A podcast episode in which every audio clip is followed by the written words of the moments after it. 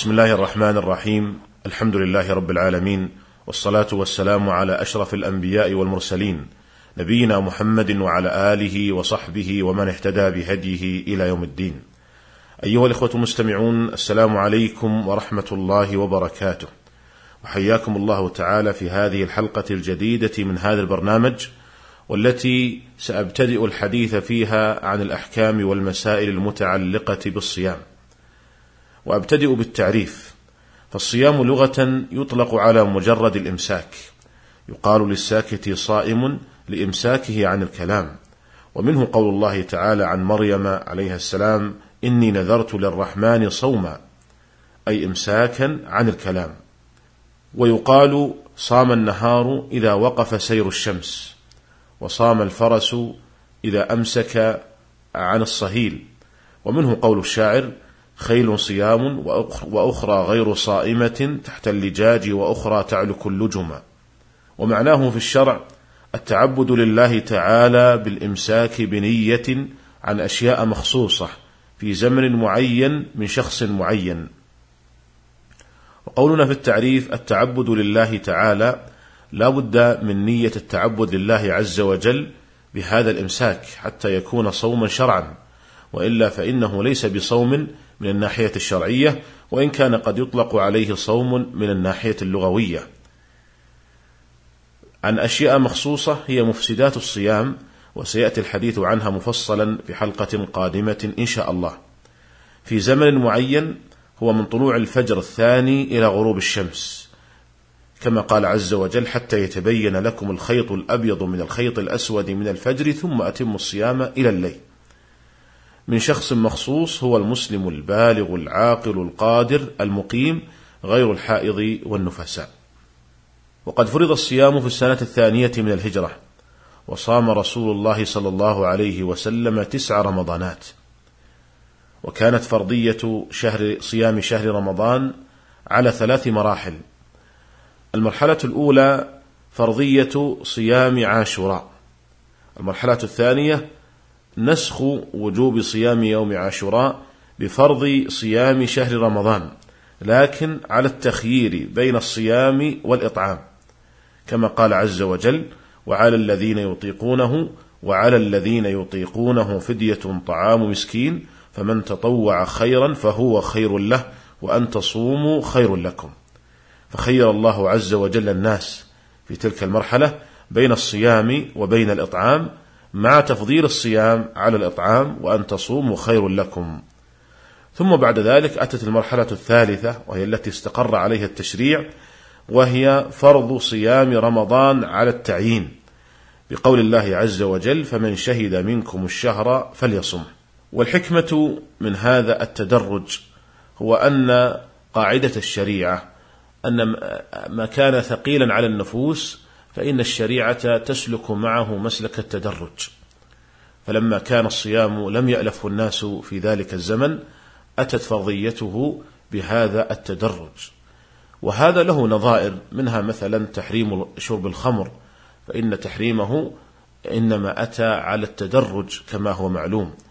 وهذا من حكمة الله عز وجل إذ أن النفس البشرية لا تقبل الشيء الثقيل الذي تؤمر به أو تمنع منه آه، من غير تدرج. فكانت الحكمة تقتضي أن يسلك معها مسلك التدرج ولا غرو في ذلك. فهذه الشريعة من لدن حكيم عليم. وقد كره بعض العلماء أن يقال رمضان واستحب أن يقال شهر رمضان.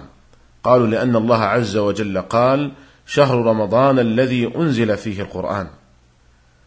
واستدلوا بحديث أبي هريرة رضي الله عنه أن النبي صلى الله عليه وسلم قال: لا تقولوا رمضان فإن رمضان من أسماء الله ولكن قولوا شهر رمضان. ولكن هذا الحديث حديث ضعيف خرجه البيهقي وابن عدي وقد ضعفه ابن عدي وضعفه شديد. فهذا الحديث حديث لا يصح ولا يثبت عن رسول الله صلى الله عليه وسلم. ولهذا فالصواب في هذه المسألة أنه لا يكره أن يقال رمضان بل لا بأس به. وقد جاء في السنة ما يدل لهذا. كما في قول النبي صلى الله عليه وسلم في حديث أبي هريرة إذا جاء رمضان فتحت أبواب الجنة. وهذا الحديث متفق على صحته. وكما في حديث ابن عباس رضي الله عنهما أن النبي صلى الله عليه وسلم قال عمرة في رمضان تعدل حجة أو قال حجة معي. متفق عليه. فهنا جاء التعبير برمضان من غير أن يسبقه كلمة شهر في هذه الأحاديث وفي هذا دلالة ظاهرة على أنه لا بأس أن يقال رمضان من غير أن يسبق بكلمة شهر فلا بأس أن يقال شهر رمضان أو يقال رمضان وليس هناك دليل يدل على كراهة الاقتصار على قول رمضان والحديث المروي في ذلك حديث ضعيف لا يصح عن النبي صلى الله عليه وسلم. أيها الإخوة المستمعون والمعتبر في إثبات الأهلة هو الرؤية في قول أكثر العلماء لأن النصوص إنما وردت بتقييد الصوم والفطر بالرؤية كما في قول النبي صلى الله عليه وسلم صوموا لرؤيته وأفطروا لرؤيته فإن غم عليكم فأكملوا العدة ثلاثين وذهب طائفة من أهل العلم إلى أن الحسابات الفلكية يعتمد عليها في النفي دون الإثبات. ومعنى قولهم في النفي أي أن أهل الاختصاص من أهل الفلك إذا نفوا إمكانية رؤية الهلال فإن قولهم هذا معتبر. وأما إذا قالوا يمكن رؤية الهلال ولم يرى فإن هذه الإمكانية غير معتبرة وحينئذ يكمل الشهر ثلاثين يوما.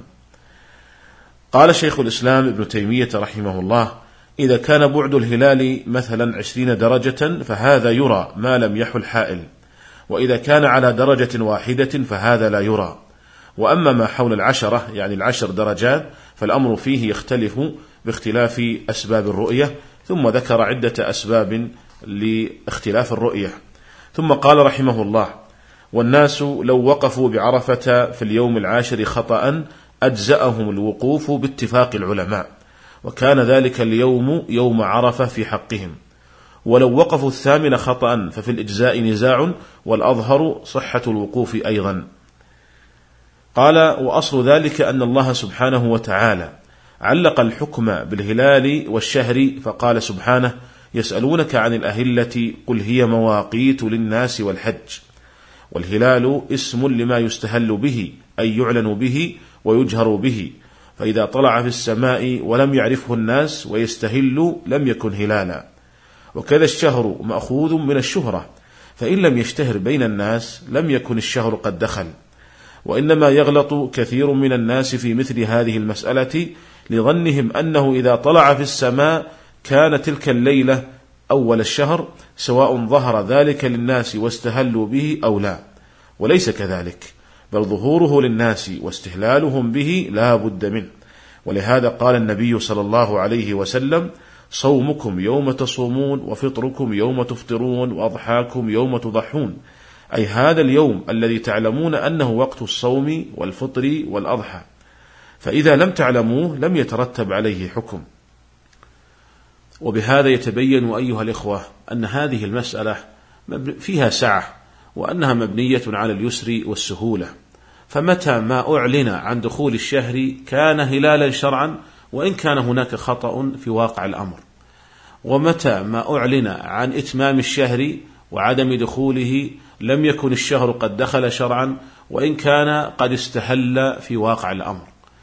فالأمر إذا منوط بالإعلان بالاستهلال وبالاشتهار فالأمر فيه سعة في شريعة الإسلام.